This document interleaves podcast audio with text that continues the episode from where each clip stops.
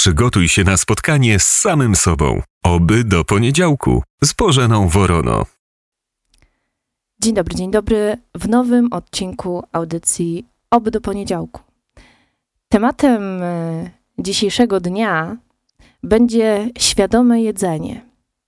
Zbadamy koncept mindful eating i technik związanych z uważnym spożywaniem posiłków, które mogą pomóc w lepszym zrozumieniu potrzeb fizycznych i psychicznych związanych z jedzeniem.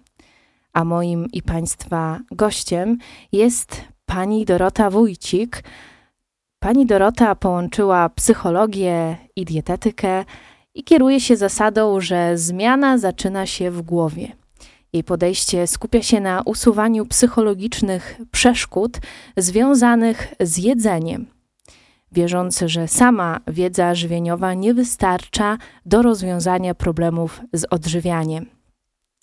W dzisiejszej audycji skoncentrujemy się na świadomym jedzeniu, zgłębiając koncepcję mindful eating oraz technik z nią związanych. Cześć, Doroto. Cześć, dzień dobry. Powiedz, dlaczego wybrałaś taką ścieżkę y, psychologii? Psychodietetyka wydawała mi się e, taką dziedziną nauki, która bardzo dobrze połączy mm, dietetykę i psychologię, jedzenie e, i trudności, z którymi się mierzymy. Mogę nawet powiedzieć, że większość osób, e, klientek e, czy w życiu, z którymi się spotykam, ma bardzo dużą wiedzę żywieniową, ale niestety z różnych powodów jej nie wykorzystujemy w praktyce i mam takie wrażenie, że psychologia i właśnie psychodietetyka jest czymś, co no, stoi właśnie pomiędzy E, tym, co wiemy, a tym, co robimy. Mhm. Psychodietetyka jest takim, um, taką odpowiedzią na pytanie, dlaczego jemy inaczej niż wiemy. Ale tak patrząc z perspektywy czasu, widzę, że to coraz bardziej się nasila i w ogóle ludzie interesują się tym świadomym, e, w ogóle nawet zmianą tej diety, nawet nie to, że świadoma ta dieta, żeby była, tylko zmieniamy, patrzymy bardziej, jakby to wyglądało z perspektywy czasu, żeby y, to jedzenie też na nas korzystnie wpływało. Ja obserwuję takie dwa trendy. Z jednej strony Mamy coraz większą wiedzę na temat dietetyki, zdrowego odżywiania, wpływu e, jedzenia na nasze zdrowie, florę bakteryjną e, i na zdrowie psychiczne. E, a drugi trend mówi bardziej o psychologicznych aspektach jedzenia, o ciałożyczliwości, o jedzeniu intuicyjnym. I czasem te dwie ścieżki się rozdzielają. Czyli z jednej strony jesteśmy bardziej mm, świadomi, E, a i możemy zapominać o tym, że jest też cała psychologia, jak emocje wpływają na jedzenie, a czasem może być tak, że już jesteśmy coraz e, bardziej świadomi swojej emocjonalności, przekonań na temat jedzenia, ale przykładamy zbyt małą wagę do, do tego, co jemy. Więc ja bym powiedziała, ja tak to rozumiem, że trochę szukamy odpowiedzi na e, pytania, których wcześniej e, nie zadawaliśmy sobie. Mhm. Takie pytania, jak mocno jedzenie na nas wpływa, tak, że potrafi wpływać też na zdrowie psychiczne, ale też no, zaczynamy odpowiadać na takie pytania, mm, co wpływa na to, że jemy, e, co wpływa na to, że potrafimy się objadać, tak, co wpływa w nas na to, że mamy zaburzenia odżywiania. A powiedz, jak uważne jedzenie może wpływać na naszą świadomość ciała i zmysłów?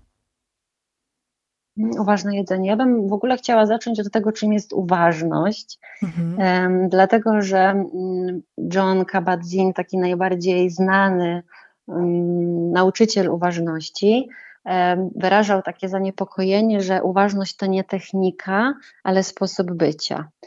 E, więc może tak być, że zaczynamy uważne, uważne nawyki, uważne jedzenie traktować bardziej jako technikę, a nie sposób bycia. Ja bym bardziej chciała zachęcić naszych e, słuchaczy do tego, żeby traktować uważne jedzenie jako jedna z umiejętności uważnego życia w ogóle. Mhm. Tak, czyli na przykład możemy brać uważnie prysznic, możemy uważnie rozmawiać z przyjaciółką, przyjacielem, uważnie bawić się z dzieckiem i uważnie e, jeść. Więc ja bym powiedziała, że w ogóle uważność w życiu e, zwiększa naszą świadomość ciała i zmysłów. I tak zauważyłam, że ta uważność naprawdę, jak e, w ciągu dnia, to, i, chociaż to jest ciężkie tak, też tak, e, w ciągu dnia będziemy uważnie nawet śledzić nasze myśli, to i tak to się wybija później jeden, dwa, trzy dni, bo jednak ta systematyczność poniekąd no, jest ciężka. Tak, zdecydowanie. Uważność w ogóle nie jest e, intuicyjna. Nasze umysły nie są, że tak powiem, stworzone do, e, do bycia uważnym. Tak? Nasi praprzodkowie raczej skupiali się na zagrożeniu, na tym, co może się wydarzyć, e, a nie na tym, co się aktualnie dzieje, na bycie tu i teraz. No bo umówmy się, że taki nasz praprzodek, który by patrzył e, i był tu i teraz w momencie obserwowania zachodu słońca, raczej byłby miałby mniejszą szansę na przeżycie. Tak? Mhm. Dlatego ta uważność jest taka e, trudna i nieintuicyjna, ale możemy właśnie e, ćwicząc uważność podczas jedzenia sprawić, że ta uważność zacznie się jakby rozszerzać na inne obszary naszego życia. Więc możemy uważne jedzenie potraktować jako rodzaj treningu, żeby być uważnym też w innych obszarach swojego życia. A czy możemy taką technikę zastosować, że na przykład um, jem albo piję te soki i wiem, że te soki będą, że nie, nie patrzymy e, na, e, na jedzenie jako stricte na jedzenie, tylko na przykład jakie mają korzyści, jakie witaminy, e, że załóżmy teraz piję i nasycam się tą witaminą D albo tam A je i patrzeć po prostu pod kątem tego, co by nam pasowało y, i gdzie byśmy złapali ten taki, taką więź z tym jedzeniem. Mhm. Można podejść do uważności mm, jako do takiego sposobu zwracania uwagi na korzyści płynące z jedzenia, e, właśnie witaminy, natomiast to już jest trochę nadawanie znaczenia. Mm, takie uważne jedzenie, czy w ogóle uważność polega na takim intencjonalnym, ale nieoceniającym kierowaniu swojej uwagi na chwilę obecną, czyli na przykład na jedzenie. Więc uważne jedzenie to nie byłoby mm, analizowanie i ocenianie jedzenia pod kątem wartości odżywczych, ale skupianie się na tym, że jem, na tym, e, jak to jedzenie czuję. Tak? Czyli mhm. gdybym miała zaproponować taką, taki taką technikę uważnego jedzenia, czy takie doświadczenie uważnego jedzenia, to ono by polegało na e, kilku takich etapach. Najpierw e, warto, żebyśmy zwolnili tempo jedzenia. Mhm. Tak, niestety jesteśmy przyzwyczajeni do takiego wolnego rzucia. Wtedy w ogóle będzie nam łatwiej łatwiej zrobić kolejne kroki. Mm, drugim elementem e, ważnym jest zadbanie o brak rozpraszaczy, czyli wyłączenie telewizora, odłożenie telefonu komórkowego, tak, tak żebyśmy mhm. mieli jak najmniej takich bodźców, które mogą rozproszyć naszą uwagę. E, I w dalszej części obserwujemy e, wszystko, co możemy odczuć ze zmysłów, tak? czyli obserwujemy wzrokiem, tak? Możemy zauważyć kształt, mhm. kolor, skupiamy się na odczuciach e, słuchowych, jaki e, dźwięk wydaje rzucie, e, jaki to dźwięk, kiedy połykamy, jak słychać chrupanie na przykład. Tak? Mhm. Kolejnym zmysłem jest e, zmysł smaku, tak? więc zwracamy uwagę na to, jaki to ma smak, oczywiście słodki, gorzki i tak dalej, ale też tekstura, e, konsystencja. I tego nie oceniamy, czy to jest ok, czy to jest zdrowe, niezdrowe, e, mhm. dobre, e, zawierające witaminy, tylko obserwujemy takie, jakie jest. Wow, znakomicie to opisałaś, powiem Ci szczerze. A powiedz, y, co się dzieje z osobą, która nie może się odzwyczaić od tego y, i je szybko, tak? Bo na przykład y, jest ten pęd, że praca inne obowiązki. E, co można powiedzieć tej osobie, albo może słuchacze też e, i, są, powiedzmy, w niektórych takich sytuacjach, co można zastosować, albo jaki argument powiedzieć takiej osobie, żeby jednak tego nie robiła? Mhm. Ja na pewno zachęciłabym do tego, żeby mm, tak się ćwiczyć w uważności,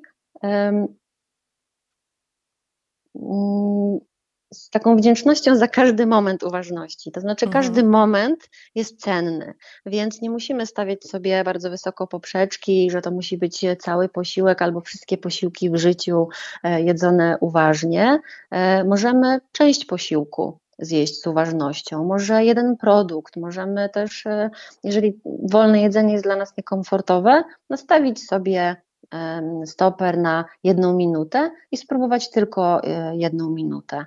Mm, albo skupić się na jednym zmyśle tylko, tak? czyli tylko mm, obserwować e, właśnie wzrokiem, albo tylko skupić się na, na smaku.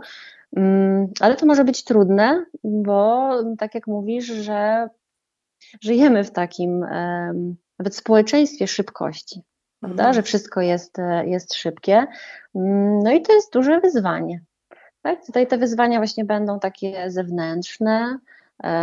Umawiamy się z koleżanką na szybką kawę, E, budki e, na ulicach, prawda? Są stworzone do tego, żeby wziąć szybko i szybko zjeść w biegu. Ale ja myślę, że mamy dużą trudność, my ludzie, ja sama osobiście, też mamy trudność z uważnością, taką częstą uważnością, bo mamy bardzo wiele przekonań na temat na tego, żeby być w biegu. Tak? Mhm. Lubimy być produktywni, lubimy odhaczać zadania z listy to do. Nie? Tak. Wiele osób ma też e, takie przekonania na temat e, jedzenia, że jedzenie jest dodatkiem do życia, e, że jest czymś zbytecznym. W związku z tym takie uważne jedzenie może być postrzegane jako strata czasu. Mhm. Więc zachęcałabym też osoby, które chcą wprowadzić więcej uważności czy uważnego jedzenia w swoim życiu, do takiego zadania sobie pytania, mm, dlaczego to miałoby być w ogóle dla mnie ważne. I też co mnie powstrzymuje przed zatrzymywaniem się w ogóle, jaką mam relację z powolnością albo z zatrzymywaniem. Czasami te momenty zatrzymywania są bardzo niekomfortowe. Mhm. A jaką technikę tak, taką może, którą ty też używasz, uważnego jedzenia możemy zastosować w tym życiu codziennym? Mhm. No to właśnie tę technikę, o której opowiedziałam wcześniej, tak? Czyli najpierw zwolnienie e, tempa jedzenia.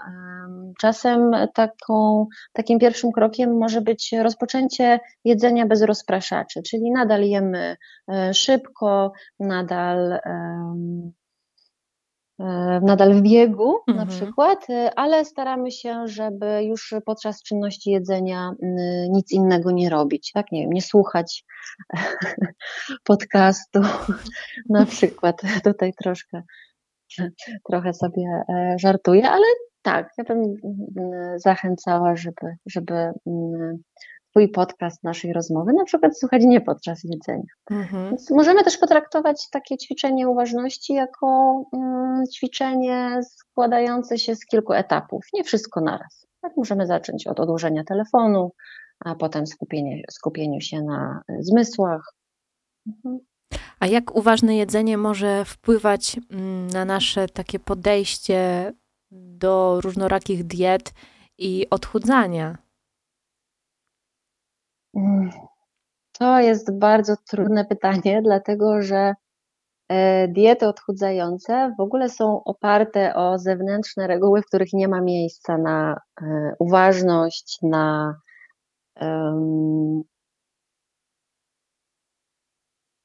nie ma miejsca na uważność, na e, uważność na ciało, mhm. na, na głód, na sytość na doznania zmysłowe. Tak, raczej na diecie odchudzającej to, co jeść, ile jeść, jest oparte o zapotrzebowanie energetyczne, mm, o to, co, o reguły, które mówią, co można jeść na jakiejś diecie. Tak, na przykład dieta niskowęglowodanowa będzie podpowiadać, że nie można jeść e, pieczywa. Mhm. Więc, więc raczej w dietach odchudzających um, nie mówimy o, o uważności. Nie? I dlatego uważne jedzenie, kiedy zaczynamy je wprowadzać, e, może na przykład wpłynąć na to, że e, szybciej zauważymy sytość. Mhm. Tak? Czyli trochę nas zacznie jedzenie uważne, zacznie nas, nas uwrażliwiać na odczucia głodu i sytości. Taka sytość może przyjść szybciej, e, możemy um, też lepiej reagować na uczucia, uczucie głodu, możemy nauczyć się również odróżniać uczucie głodu od różnych innych potrzeb, na przykład psychologicznych. Mhm. I to właśnie uważne jedzenie, czy uważność na odczucia z ciała, na swoje potrzeby może właśnie pomóc w jedzeniu w oparciu o potrzeby ciała. Mhm. Tak, a kiedy jemy w oparciu o to, co, co mówi nasze ciało, to będzie prowadziło do optymalnej masy ciała. A powiedz, czy miałaś e, kiedykolwiek takie ciężkie przypadki e, w gabinecie? E, I w ogóle, jakie kroki podejmujesz, jeżeli przychodzi taka osoba, która potrzebuje Twojego wsparcia, Twojej porady, jako osoby doświadczonej w tym? Może też poradzisz osobom, które gdzieś zmagają się z tym i będą mhm. słuchać i się zastanawiać, czy naprawdę mają problem i mają zaburzenia, czy jednak to jest ta chwila, żeby pójść i do takiego eksperta i, i do takiego psychologa, który pomoże, tak, wesprze w tej drodze do zdrowego odżywiania. Mhm.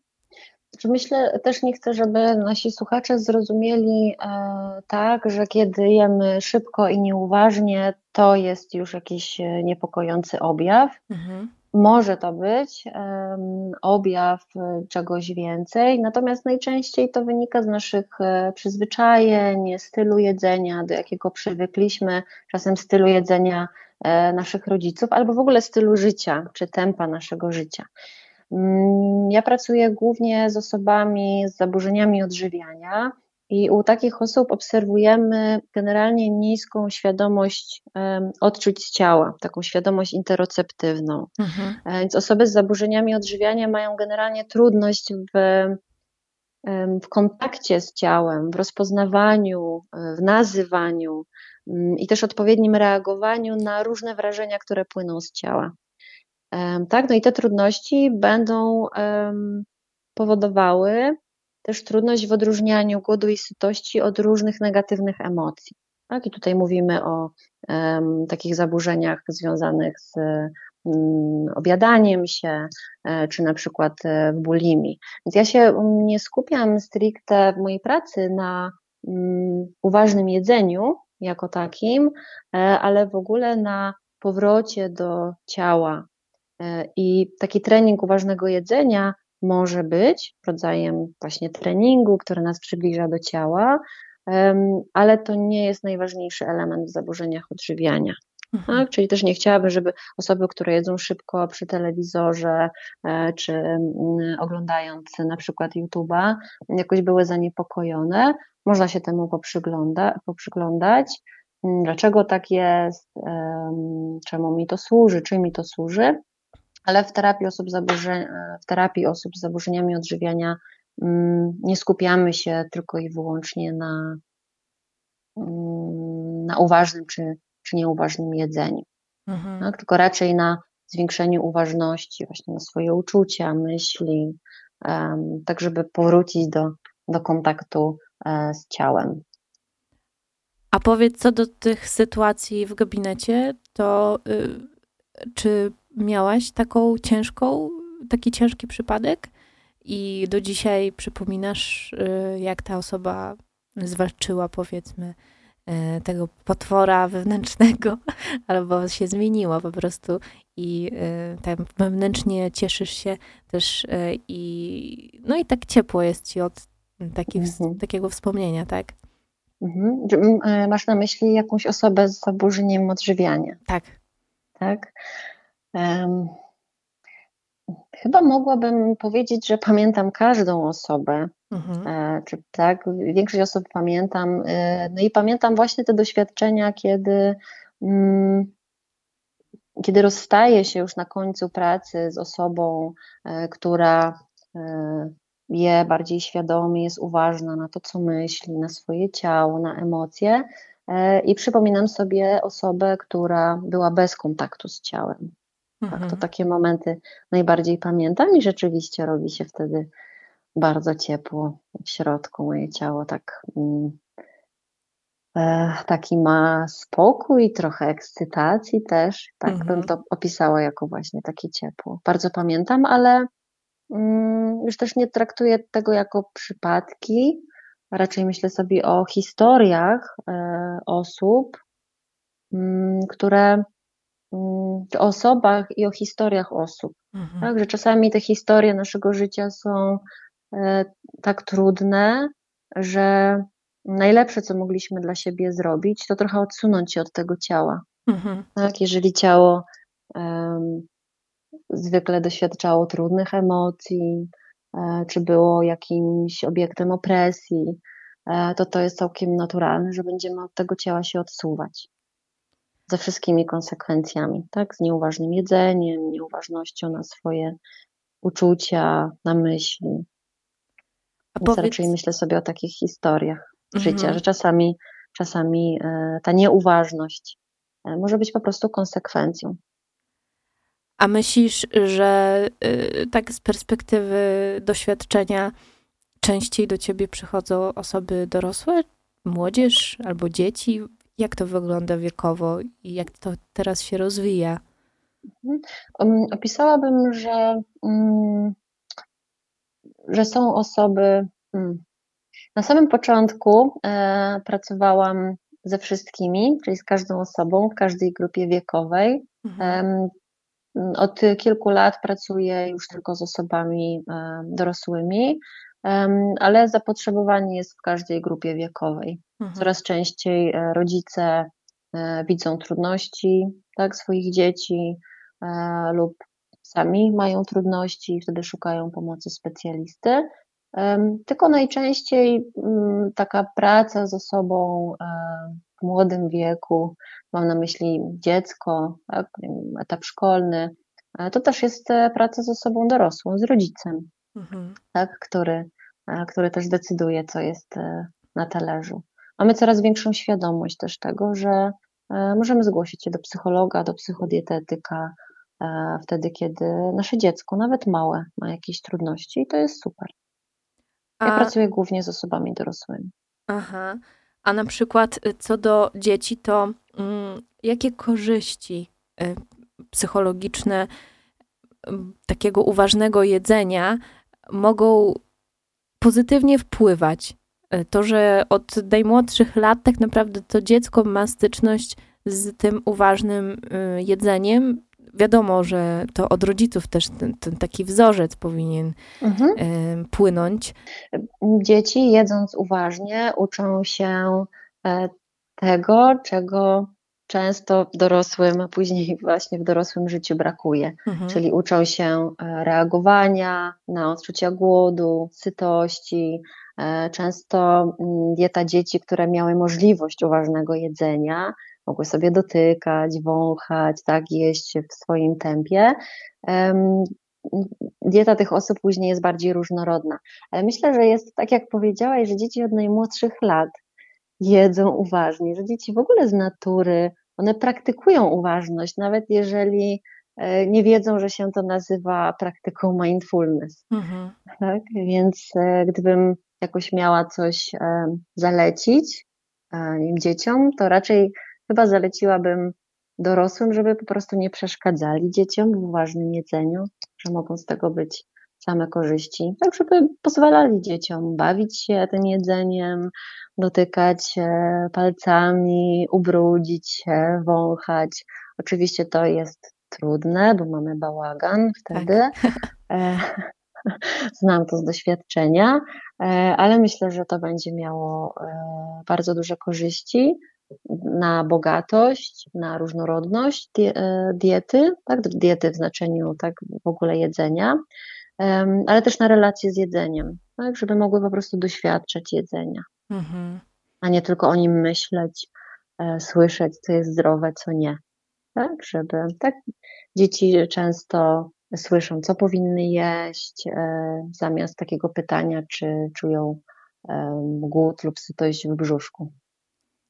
I uważam, że to takie świadome podejście do tego dziecka jest niezmiernie ciężkie, ale też ciekawe mhm. i, i trzeba jednak, e, jak mówisz, właśnie zastosować te, tą taką technikę, bo wydaje mi się, że to ma większe korzyści też na przyszłość e, niż e, to, że będziemy opowiadać, ale to dziecko nie odczuje tak naprawdę, tak. jak to wygląda.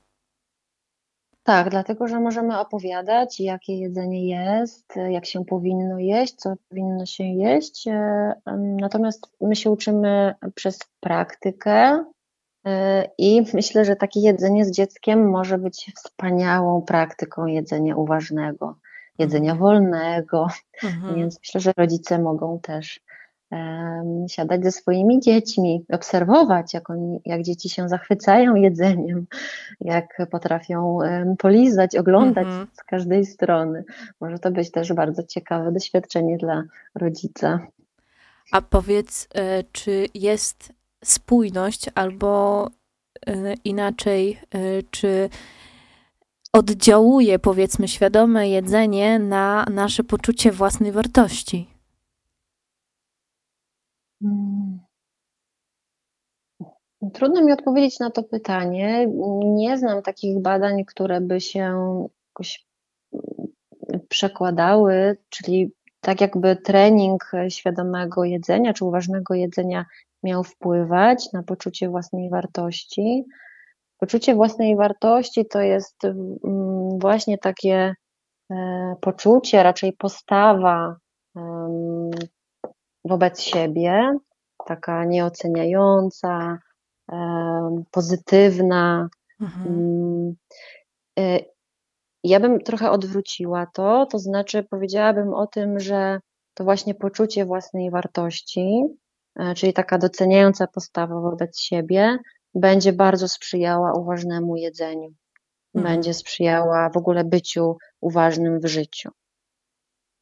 Natomiast nie wiem, czy właśnie sam trening uważnego jedzenia e, wpłynąłby na poczucie własnej wartości. Uważne jedzenie, e, jak może wspomagać te procesy trawienne i wchłanianie, powiedzmy, tych składników e, odżywczych?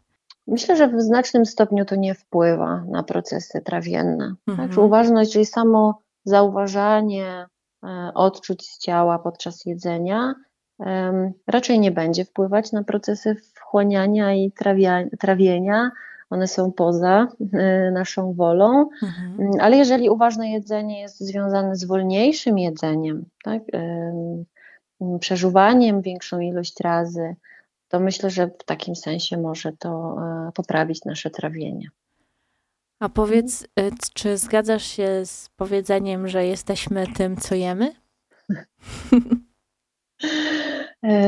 Ojej, nie do końca. Nie do końca. Trochę, trochę tak, no, patrząc z takiej biochemicznej perspektywy, to jest tak w istocie, bo białko, które jemy, rozkłada się na aminokwasy i te aminokwasy są wbudowywane później w nasze, w nasze struktury, w białko, mhm. mięśnie, tak, naszego ciała. Ale staram się tak nie myśleć, bo to jest trochę takie podejście bardzo y, mechanicystyczne do ciała. Mechanicystyczne to znaczy, mm, zaczynamy traktować ciało jak maszynę, mhm. a ja myślę, że jesteśmy czymś więcej e, niż maszyną, której dostarczamy e, budulce, energię, mhm. tak? Że, że czasami e, możemy sobie po prostu zjeść coś mniej zdrowego i, i też takie myślenie, że jesteśmy tym, co jemy, może, może powodować jakieś poczucie winy, że zjedliśmy coś mniej zdrowego mhm. E, i pretensje do siebie. Więc ja staram się tak nie myśleć. Staram się myśleć raczej o tym, co mogłabym dać mojemu ciału, co byłoby dla niego sprzyjające. Mhm. I zarówno słodycze też mogą być czymś, czymś, e, czymś sprzyjającym w pewnych okolicznościach, na przykład podczas świąt. Więc tak, a takie myślenie może e, raczej nas wpędzić w jakieś poczucie winy. A co do Twojego doświadczenia, czy mm, miałaś ten mindful eating od dzieciństwa, czy to była trochę inna e, ścieżka e, do takiego zrozumienia? Mhm. Nikt mnie nie uczył uważności ani uważnego jedzenia. E, tak intencjonalnie. E, natomiast pamiętam e, ze swojego dzieciństwa takie momenty, kiedy siadaliśmy do obiadu, na przykład niedzielnego, mhm. celebrowaliśmy, jedliśmy wolno, rozmawialiśmy. Tutaj ta uważność była i na jedzenie, co jemy, ale też na rozmowę. Więc myślę, że mam doświadczenia z praktykowaniem uważności, e, ale to nie był taki trening uważności celowy. Mhm. Mhm. Ale to też nie jest tak, że coś, co jest nauczone raz, już z nami zostaje. Zdarza mi się nie być uważną podczas e, jedzenia i przypominam sobie o, o tym, żeby to było uważne. Tak? cały czas pracuję nad tą praktyką uważności. I y, tak zrozumiałam, że już y, przekładasz na y, swoje dziecko już od urodzenia, tak naprawdę. Trochę tak.